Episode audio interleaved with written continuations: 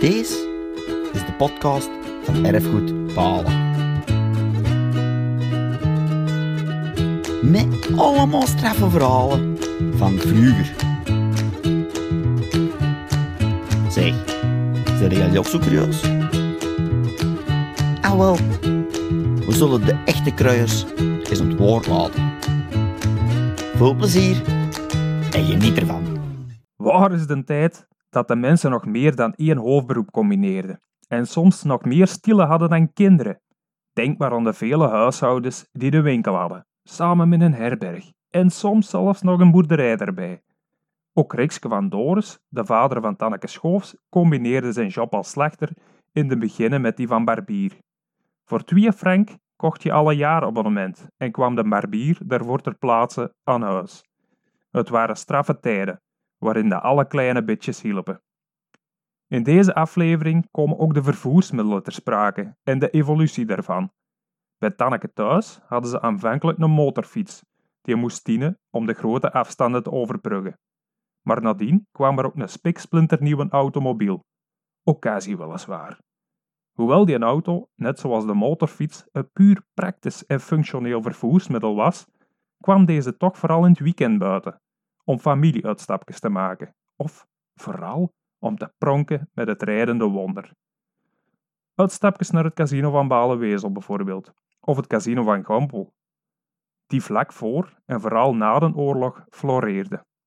Je hoort het al, het wordt weer pure nostalgie in deze nieuwe vijfde aflevering van Onze Doris en ik. Heel veel plezier! Onze va. Hij heette in het dorp Rikske van Doris en zijn gezin bestond uit zijn vrouw, Liske van Rikske en de kinderen, Tanneke van Rikske en Doris van Rikske van Doris. Toen onze va trouwde, kreeg hij 50 frank mee, voor de mis met de recommendatie de overschot goed uit te slagen en stilletjes aan te doen. Voor zijn huwelijk was onze va niet enkel beenhouwer, maar ook barbier. Zijn ouderhuis lag recht tegenover de bakkerij van Jacques. Het had een gang in het midden, met links een deur naar een kleine winkel, die al vol stond met een korte, hoge en een ronde kapblok, en waar men eens per week vlees verkocht, de vrijdag. Rechts van de gang was er een tamelijk grote staminé met kappersgerief, een oude spiegel, een gewoon tafel en een stoel. In het aanpalend huis, links, expaleerden de kwazijns een in dezelfde luxueuze stijl geïnstalleerde coiffeurensalon. De verstandhouding tussen diegenen die eigenlijk concurrenten hadden kunnen zijn, was zo belangeloos en zo grootmoedig dat onze vader soms even ging helpen bij een toon, waar er nog drie man te wachten zat, en dat diezelfde toon paarden kwam inzepen bij Rikske als deze het niet gedaan kreeg. Er werd daarna met een flinke borrel getrakteerd. En als de hand des barbiers al eens wat onstabiel werd, kwam de geschoren in een dubbele zin van het woord wel eens vol kappen en kerven en erg toegetakeld buiten. Maar dat kwam in die tijd blijkbaar om hem niet zo nauw. De galjaar, een zeer populair figuur die zondags zijn baard liet afdoen, zette zich eens na de hoogmis bebloed en beplakt voor het huis om, zoals zij zegde, klam te maken voor de scheerders. Onze va en zijn broer en onkel Jeff gingen daarbij nog alle weken de boer aan de huizen verzorgen, wat dikwijls op het veld wilde zeggen. Dat abonnement kostte 2 frank per jaar. Soms, als er geen greppel of beek in omtrek was, doopte ze een scheerkwast in de koffie. En onze vrouw vertelde altijd dat het een gruwelijk zicht was als een boer dan het wit van zijn ogen liet zien. Eens, toen er nog water, nog koffie bij de hand was, had onze onkel Jeff, een echte farceur, een ander altijd bij de hand zijnde vocht gebruikt. En toen de kalant zich begon te beklagen dat het pikte, expliqueerde onze onkel dat het een heel ander soort scheerzeep was. Toen, na een paar jaar, onze ouders een aparte biennauwerij begonnen waren, werd het pas een goed werken geblazen. Ze hadden nu een ijskast en konden dus alle dagen vlees verkopen. Gompel begon te floreren, Palenwezel en het Lommels fabriek kenden een denderende opbloei. Ons moeder en tante Louise droegen er alle dagen manden bistikken, koteletten en worstjes naartoe. Wat hebben ze gewerkt? En onze vrouw dan. In de zomer stond hij s'nachts om drie uur op om vlees kapot te doen. Zijn eerste klant was dikwijls Paul Cavaresberg, die ergens de kermis was gaan spelen met zijn orgel en rond dit uur huiswaarts keerde en hard spek kwam kopen om de pan voor het slapen gaan nog eens goed vol te leggen. De woensdagmorgen om vijf uur reed onze vrouw op zijn kleine motseklet over hobbelige, smalle steenweggetjes naar de beestenmarkt van Dist. En klokslag negen stond hij weer terug in zijn winkel, bestellingen klaar te maken en de klanten te bedienen. Zijn motorfiets diende enkel voor de lange afstanden. Dat was bijvoorbeeld ook naar de kwakzalvers van Limburg en de Noorderkempen om er een wonderremedies te gaan halen voor zijn schoonfamilie. Eenmaal per jaar toeristen hij met ons allen hortend en dooreengeschukt naar Scherpenheuvel. Onze Doris voor hem op de buis en ik tussen hem en onze moeder. Ik klampte mij dan in een krampachtige omhelzing aan hem vast en ons moeder aan mij. Zo was hij zeker dat we er onderweg niet zouden afvallen en rond Meerhout Zittert of Sichem ergens in de gracht zouden liggen. Zoals ik al vertelde, had onze va zich dan, weer na enkele jaren, een auto aangeschaft. Een occasie Plymouth. Hij was er geweldig trots op en we deelden enthousiast zijn verering en bewondering. Ik heb later eens horen beweren dat een man zijn vrouw zou kunnen behandelen als een nieuwe auto. Wel, daar zat zeker iets van in. En dat deed onze va in elk geval. Iets wat hier vooral zijn Plymouth te goeie kwam. Die Otto was een appel voor zijn ogen. Hij verzorgde en vertroetelde hem dat het geen lust was om te zien. Hij sloeg hem gaai. Zondags namiddags reden we al eens naar het nabije Limburg, maar liefst van al toeren hij rond in de onmiddellijke omgeving, omdat iedereen ons daar kende en wij al dus trots onze supercar aan bekenden, vrienden en familieleden konden tonen in de geheime hoop dat ze geweldig jaloers zouden zijn. Op een zonnige zondag waren we eerst naar de casino in Wezel gereden. Toen nog een prachtige witte villa, gelegen in een park, vlakbij een kante Belle Époque kiosk en een groen begroeide vijver. In het café Casino dronken onze ouders zoals gewoonlijk grote Engelse stout met een savoureus schuimende beige kol. Onze Doris en ik een brave limonaad. Ik zat daar aan te genieten en in kinderlijk gelukkige verering naar ons moeder te kijken, die toch zo schoon vond. Zoals de meeste kinderen dat wel van hun moeder zullen gedacht hebben. Nog denken en zullen blijven denken. Ze droeg toen een zwart fluwelen tokhoedje, waaruit een categoriek pittig pluimke recht omhoog schoot.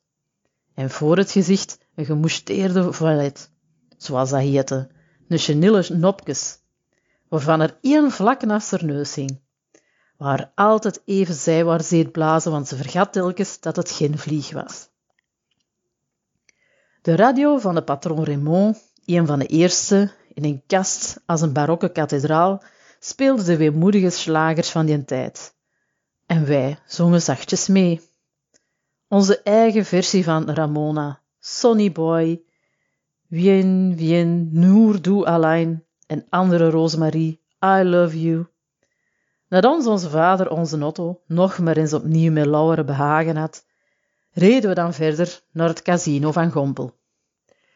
Dat er nog altijd staat en dat mij altijd heeft doen denken aan een blokskesdoos. Het had een bordes of trap zo breed als een voorgevel en die was geweldig imposant. Een decor waardig om onze limousine te zien arriveren. De aanwezige pottenpakkers kwamen dan beneden, bekeurden de carrosserie, die toen nog zo sterk was als een tank, en de motor, waarvan onze vader exploten nog aandikte met superlatieven over adembenemende snelheden van 60 tot 70 per uur. Na de show gingen wij dan met de toeschouwers naar binnen. De nieuwe chauffeur trakteerde dan een echte of de gewikste bewonderaar op een straffe pint en was ontroerd en ontroerend gelukkig, zoals slechts grote kinderen gelukkig kunnen zijn met datgene wat de Duitsers zo gepast dit Spielzeug voor Männer noemen. Tot op zeker moment chef van Bon binnenkwam met de nuchtere opmerking dat Rikske toch maar beter eens even terug naar zijn auto zou gaan, want dat zijn grote lichten nog altijd brandden. Onze vader echter, nog altijd in dezelfde roekeloze euforie, wuifde die welgemeende en deskundige waarschuwing luchthaardig weg. Zijn Otto kon daar tegen. Ja, dag Jan. Toen wij, begeleid door het hele café, ons installeerden in de vloeren kussens en wilden vertrekken, bleef die supermotor zo dood als een pier.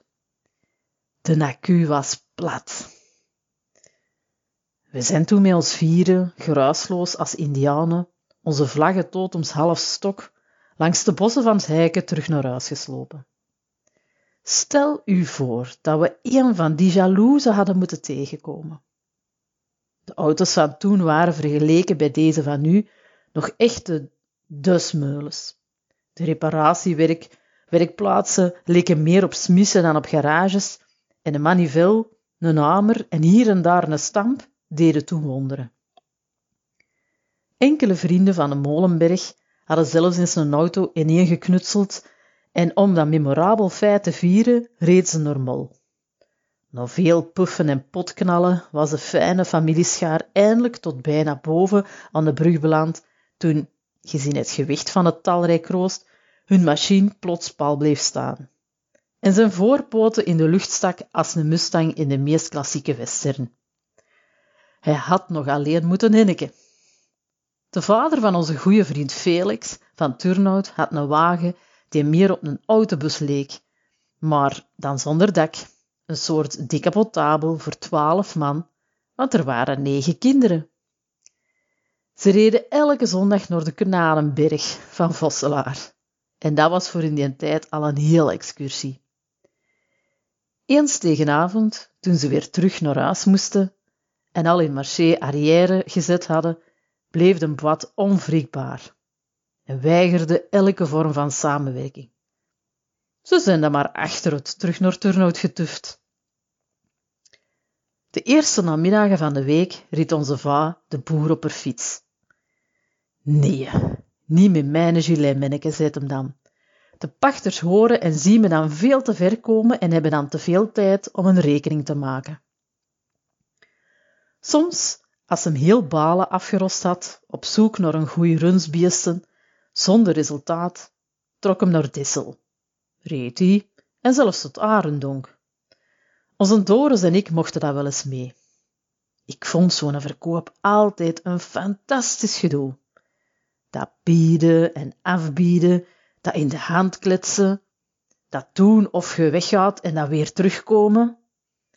En als de boer dan te veel, veel te vroeg en te taai bleef, begon onze vader altijd als laatste middel zijn klaaglied aan te heffen over de slechte tijd, het jonge huishouden, de onkosten, de zorg om stilletjes aan zijn keusje te blijven verdienen, waarop de boer dan weer over zijn tegenslagen begon. Het was een boeiend spel, dat meestal eindigde op een compromis. De ene deed er wat bij en de andere wat af, en iedereen was content. Onze vrouw kon zo hennig klappen en deed dat alles zo goed dat ik stilaan ongerust begon te worden over de staat van ons financiën. En toen ik hem eens vroeg of we dan echt arm waren, kwam hem, maar nee, minneke, maar commerce. Tegen de klanten moeten gestoeven, bij de leveranciers moeten klagen, je zult nog veel moeten leren. Ik weet nog dat hem eens van Herodes naar Pilatus gestuurd was en eindelijk in het Witgoor een model van een beest gevonden had. Helaas had hij het mes in de boal, zoals dat in de vaktaal heette, en moest hij Sandernaags kost wat kost slachten, want hij zat zonder vlees. Commerçant als hij was, mocht hij dat niet laten blijken. Iets heel aanbetaand. De verkoper was immers ook niet van gisteren en hij had al lang gevoeld dat de slachter moest kopen en paste dus zijn prijs aan. Het werd een hardnekkig verbeten kaartspel en onze va moest bij zijn gekende klaaglied alle registers opentrekken, want een boer was zeer hard in het lijf. Tot de boerin, die alles opmerkzaam mee aanhoord had, tussenbij kwam en besliste, Jan, naast genoeg, gedug het verschil in tweeën. En dat gebeurde, en de biest werd de volgende morgen geleverd. Dat wou zeggen, te voet naar Balen geleid. Ons moeder betaalde ze, schonk zoals dat de gewoonte was, een jat koffie op, in onze keuken, die precies dat jaar opgeknapt was met blinkende gele tegeltjes en met een nieuw schouw. De pachtersvrouw had al een hele tijd knikkend, maar zwijgend zitten rondkijken tot ze haar gepeinzen samenvatte met Jan, het ziet er hier niet uit, lekker als je was het, hè? Onze va oefende zijn stil uit met hart en ziel. Hij stond graag in zijn winkel, was vriendelijk voor iedereen, groette alle mensen die hem op straat ontmoetten met dag, ke, ke. Want ja, zo moest hem alle namen niet onthouden. Iedereen heette tenslotte Chefke, Janneke of Louieke. Hij vond het niet zo erg als het veel opsloeg. En hij aan het vlees niet te veel verdiende. Als ze maar kon verkopen, dan was hem gelukkig. Wat heb ik veel van hem geleerd. En toen ik later in het onderwijs terechtkwam, heb ik hem nog beter begrepen. Want ook wij, mensen die voor een klas staan, hebben niets te verkopen.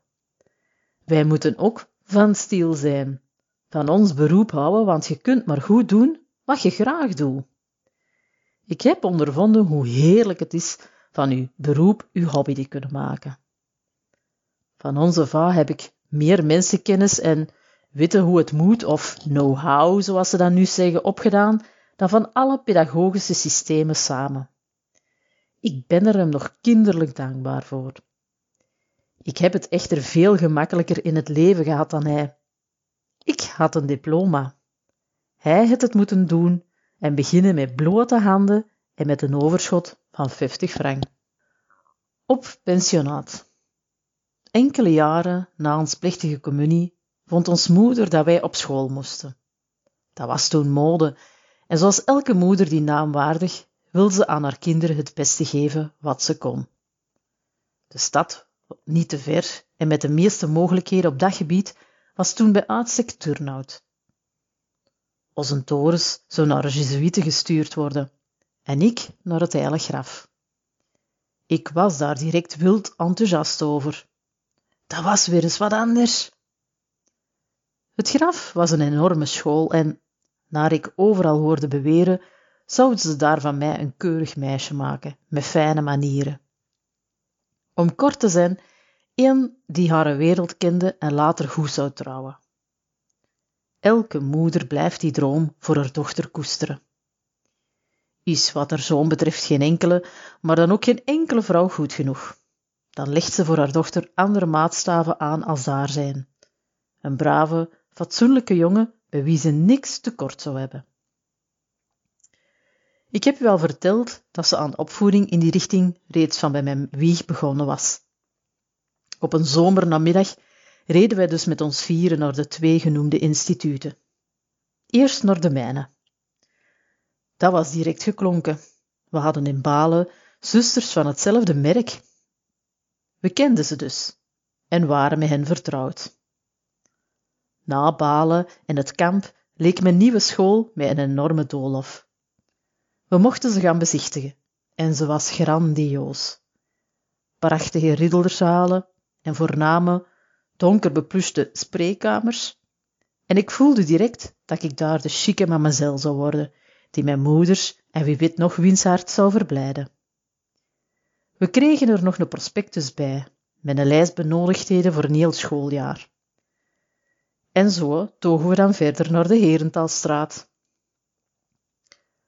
Onze Doris werd lijkbleek als ze dat hoge, strenge gebouw zag blijven duren. En eens door een sleffende portier naar de parloir gevoerd, zat hij daar zo verwezen op zijn stoel, zo ongelukkig als ik hem nog nooit gezien had. Een mus in een kooike. Was het dan nu wat hem te wachten stond? Die sombere zaal? Die vensters langs de straat, beplakt met flets gekleurd, treiterig ondoorschijnbaar oud bloemetjespapier? Was dat het huis dat zijn jonge jaren verder zou herbergen? Oh ja, hij had gehoord dat ze eenmaal per jaar op bijweg gingen naar Vosselaar en daar namiddags op de Konanenberg mochten gaan spelen. Maar was dat maar eenmaal per jaar? En wat was die molshoop vergeleken bij zijn kaatsheuvel waar hij praktisch alle dagen kon gravotten? Maar hij werd ingeschreven en met een tweede prospectus begonnen wij de thuisreis. Broeder Isidor was opvallend stil. Daar kinderen elkaar het beste verstaan, voelde ik wel dat hij iets aan het verwerken was. En toen we eindelijk terug ons dorp binnenreden, dat hem nooit zo schoon, zo rijk, zo vrij en zo zonnig toegeschenen had als nu, keerde hij zich om naar ons moeder en zei afgemeten: Se, moeder, nou kunde gij doen wat je wilt. Maar als ik op school moet, zal ik oude schaamd aandoen van grond te lopen. Ik zal rapper thuis zijn als gij. Ons moeder was ervan gepakt. In de grond was ze misschien blij dat zij, niet tegenstaande de vrijwillige offerande van haar kinderen op het alba, altaar ter opvoeding en der geweldige manieren, zoals onze Doris dat zei, toch nog één kind zou overhouden. En toch, zei ze streng, want ze moest toch laten zien dat onze Doris het thuis nog niet voor het zeggen had, ik zal er met onze va eens over klappen. Het resultaat was dat ze twee dagen later onze Isidore uit de registers van de leerlingen de Société Jésus liet schrappen. Mijn broeder kreeg weer zin in het leven en in nieuwe deugnieterijen. Doch ik zou gaan. Samen met onze moeder besteedde ik bijna de hele grote vakantie aan het vullen van een reuze koffer, waarin ik mezelf helemaal kon verbergen.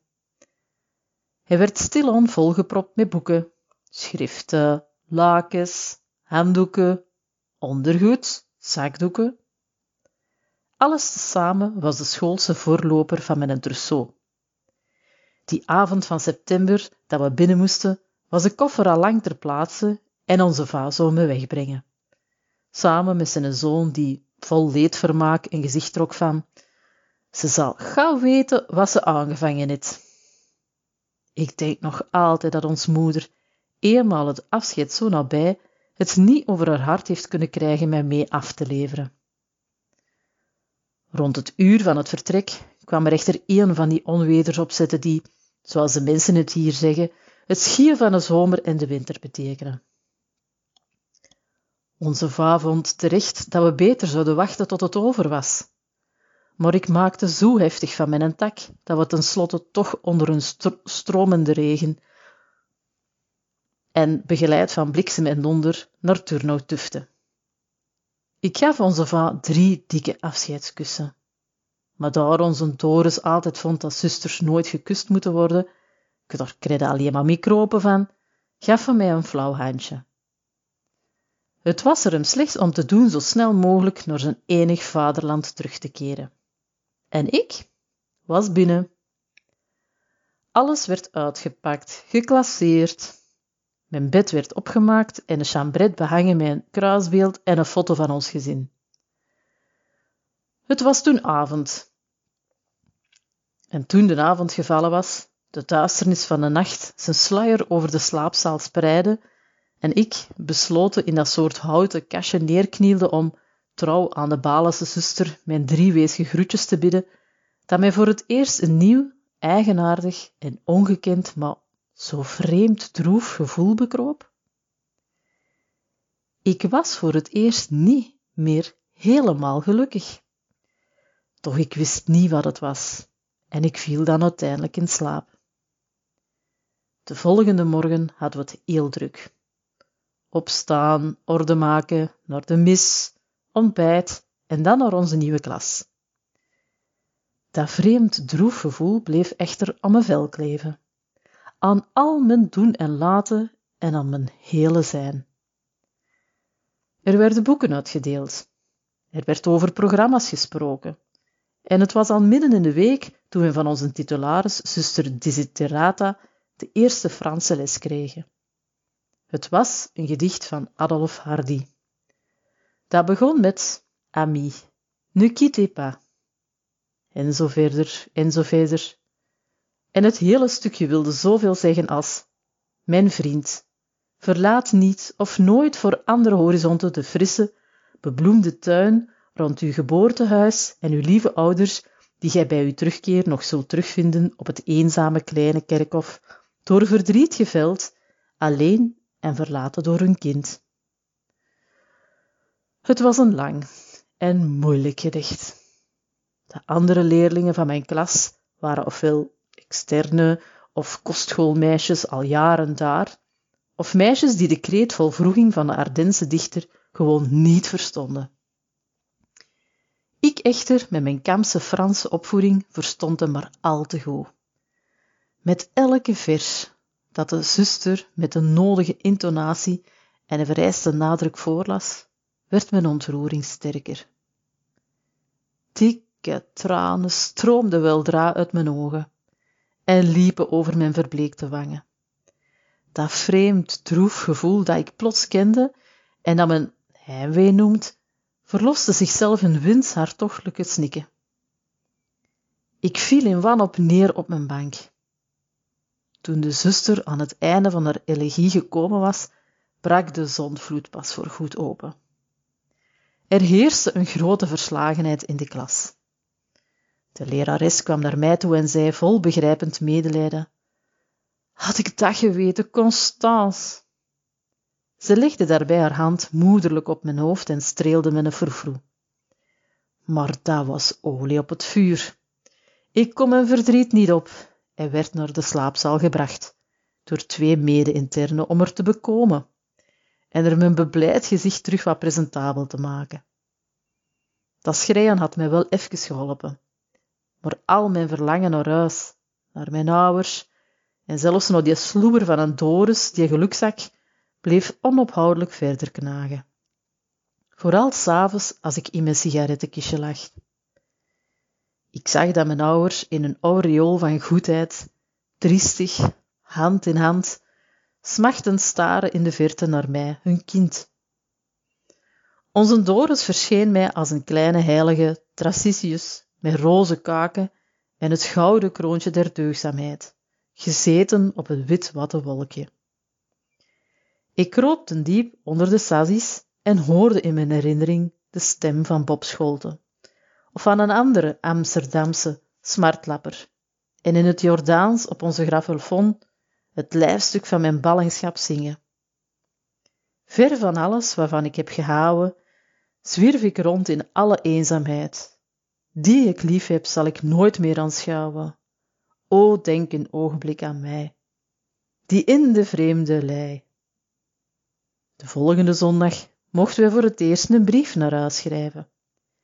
Ik moest oppassen en er niks in zetten dat de nonnekes zouden kunnen kwaadmaken. De brieven werden immers gecensureerd. En daarbij ook, ik wilde mijn nieuwe hoedsters geen verdriet aandoen. Het was tenslotte hun schuld niet dat ik bij hen zo ongelukkig was. In zeer bedekte termen en in een, naar ik hoopte, alleen voor mijn verre geliefde verstaanbare taal, liet ik doorschemeren dat, in tegenstelling met de schrijver van het Frans gedicht, mijn ouders degene zouden zijn die een verlaten legersteden zouden vinden. Daar ik in ultieme wanhoop de hand of iets anders aan mezelf zou geslagen hebben. Onze va zei na het lezen van het SOS dat hij, als ik zo nog iets zou schrijven, mij direct terug ging halen.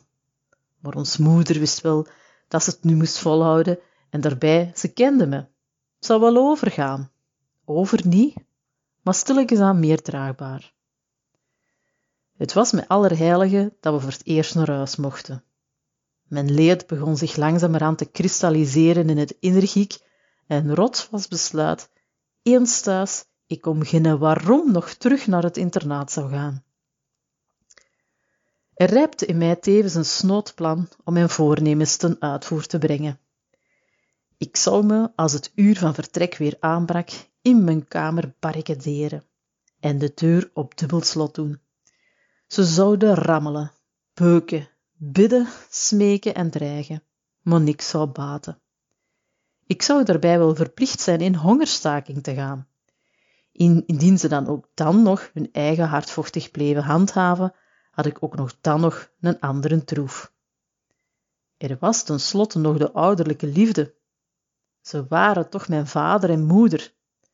Zouden zij, terwijl zij zich beneden aan het rijk gevulde tafelen, eruit de soep met kusjes, frikadelletjes met kriekjes en karamelpudding te goed eten, mij daarboven stilaan laten verhongeren, uitmergelen, nog zelfs geen vel meer over hun benen, een afgewabbeld kieken gelijk. Met dit droef uitzicht voor ogen sleepten de weken zich naar het eerste verlof toe. Maar hoe eigenaardig, de nonnekes hadden tenslotte gelijk zo lang te wachten om ons voor het eerst terug te laten gaan. Ik begon me stilaan in mijn lot te schikken. De anderen waren er immers ook doorgekomen. Waarom ik niet? Onze Doris was intussen op het college in Mol beland. Hij had me wel gemist, zei hem, maar ik wist niet dat het was omdat ik zijn werk niet meer kon maken. Hij had immers aan gelijk welke school een broertje dood. Hij kon leren wat een wou, maar hij veegde er vierkant zijn voeten aan. Hij was dan ook altijd even lelijk ambetant als hij met zijn bulletin thuis kwam. Ons moeder vond dan wel dat hij wat minder moest spelen en wat meer leren, maar dat trok hem zich niet aan. Hij behoorde tot die gelukkige, onbezorgde kinderen, waarvan er ene met een knipoog zijn rapport zijn ouders gaf en zei, als we maar gezond zijn, hè, vader? Daarbij deed hem ook dikwijls, met een scheve blik naar mij, zal ik mijn hersens niet dru druig studeren, als gij. Hij had in het college als professor de dikke billen en vooral de nievendillen deze laatste was een gezegend kunstenaar in de dubbele betekenis van het woord, want hij was priester en muzikoloog. Hij had vol ijver en vuur een koor opgericht dat er mocht zijn. Onze Doris had een zeer mooie stem. En hij deed het zo goed dat hem weldra de eer de beurt viel tot solist verkozen te worden en alleen dus één lange solo te vertolken kreeg in een zeer volumieus en beroemd oratorium. Dat zingen vond mijn broeder zeer plezierig. En daar het inoefenen dikwijls na de schooluren kwam, kon hij daarna nog een hele tijd in mol blijven hangen en ons moeder wijsmaken dat repetitie toch weer zo lang geduurd had, maar dat een dirigent toch zo content over hem was.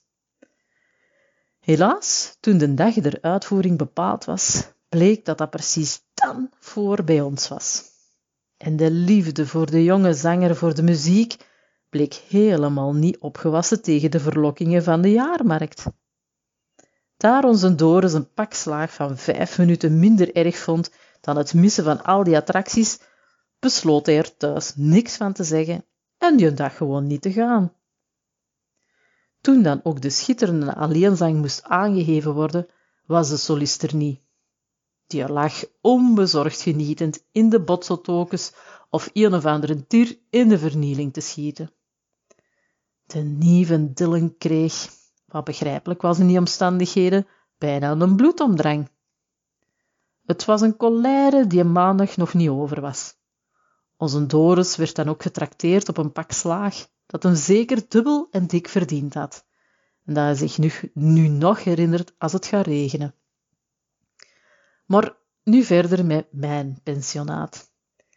Eens terug op school, naar mijn eerste congé, begon ik mij verwoed op twee bezigheden te storten, die mij vergetelheid zouden brengen: het leren en het snoepen. Ik deed mijn best om mezelf en mijn ouders gelukkig te maken. En ik wilde ook op goede voet met de nonneken staan, want ik zag, ik zag ze graag. Wij leerlingen hadden voor onze kloosterlingleraressen een oneindig verering. Ze stonden ver genoeg boven ons, omdat we hen zouden respecteren, want ik vind nog altijd dat respect de basis is van elke waardering en elke liefde. En ze stonden ook dik genoeg bij ons om ons altijd te helpen, te troosten en op te beuren. Ik heb voor hen nog altijd diezelfde eerbied, genegenheid en dankbaarheid, en ik heb van hen veel kunnen leren. Ik heb er jarenlang les gegeven. Nooit had ik betere werkgevers kunnen hebben, en ik ben bij hen altijd zeer gelukkig geweest. Ik had dus in mijn prille jaren als tweede uitlaat of inlaatklep het snoepen. We moesten onze chocolade, onze amandelbonen en andere, onze spekken, onze warme rek, onze tabletten en onze jupjes aan zuster Stanislas afgeven, die ze dan in een enorme hoge antieke kast stak, waaruit we tweemaal per week onder haar waakzaam oog wat mochten halen. Dat was de zondag en de donderdag. In de vaste mochten we dan slechts eenmaal per week, de zondag, want het was de tijd der verstervisjes. Ik heb dat laatste altijd een prachtig middel gevonden tot opvoeding en om nee te leren zeggen tegen uzelf. Het moeilijkste dat er bestaat. Ik moet echter bekennen dat ik ook daar weer een oplossing gevonden had, om het mij gemakkelijk te maken. Ik verslond immers de hele zondag door zoveel van die zoetigheden dat ik er de eerste dagen van de week altijd smoorziek en mottig van was. En ik nog geen suikergoed meer kon zien. Tegen het einde van die zes kastijdige dagen was ik dan weer stukken beter en kon me de volgende zondag weer opnieuw ziek beginnen eten. Er waren op zondag ook feesten, het feest der meesteressen, waarmee wij de leerkrachten onze dank wilden betuigen met een toneelopvoering die we dikwijls zelf ineengestoken hadden. De studentinnetjes liepen de hele dag overal rond. Dat mocht dan met kleurige papieren strikken in de haren en in het mooiste uniform. En in de zo stijlvolle rifter, voor de gelegenheid met girlandes behangen, kregen we crèmesoep, schorseneren in eiersaus, kalfsvlees in chapelure en vlaai. Het Sint-Niklaasvlees in december was er nog plezanter dan thuis. Elke zondag gingen we naar de mis van zeven, de hoogmis van tien en naar lof en vespers om drie uur. De kloosterzusters op het koor vormden een prachtig middeleeuws tableau. Ze konden hemel zingen. Dat kunnen ze nog, en ik begrijp heel goed de wereldberoemde violiste Yehudi Minuin, die het zo verschrikkelijk spijtig vindt dat in zoveel christenenparochieën en andere kerken het zo innig mooie Gregoriaans vervangen wordt door een geluid waar het zeer twijfelachtig is of het de eeuwen zal trotseren. En dan werd het lente, ook op school. De tijd van de dartele lammetjes, de geurige bloemetjes en, bij sommige mensen, de ontluikende tedere gevoelens. Ik begon toen kaarten te krijgen van een jongen uit onze buurt. Kaarten waarop hij enkel zijn initialen zette en soms ook, maar heel zelden, een kort zin waarin hij heel voorzichtig zijn minnend hart en verliefd gesmoed probeerde bloot, genoeg te leggen voor mij, maar ook niet te bloot voor mijn gewijde medeleesters. Die liefde was niet wederkerig, en daarom zat ik er ook nog meer mee verveeld. Wat zouden ze er hiervan wel denken? Wie weet zouden ze me niet aan de deur zetten wegens Philips gedrag. Wat een oneer voor mijn ouders. Eens kwam er weer een schrijven dat niemand nog misinterpreteren kon. Een jonge man met zwart cosmetic plakhaar à la Rudolf Valentino en met rode lippen die tot in zijn oren geverfd waren. En daarboven, in een medaillon, een schattig blond ding dat kusjes naar hem wierp. Dat werd me te wachtig. De stand die mij argwanend tot verderfelijk beelden kwam overhandigen, riep ik vol panische miserie toe. Ik kan er niks meer aan doen, zuster. Ik moet vaststellen dat er nu daarin, in onze tijd, wel het een en het ander veranderd is.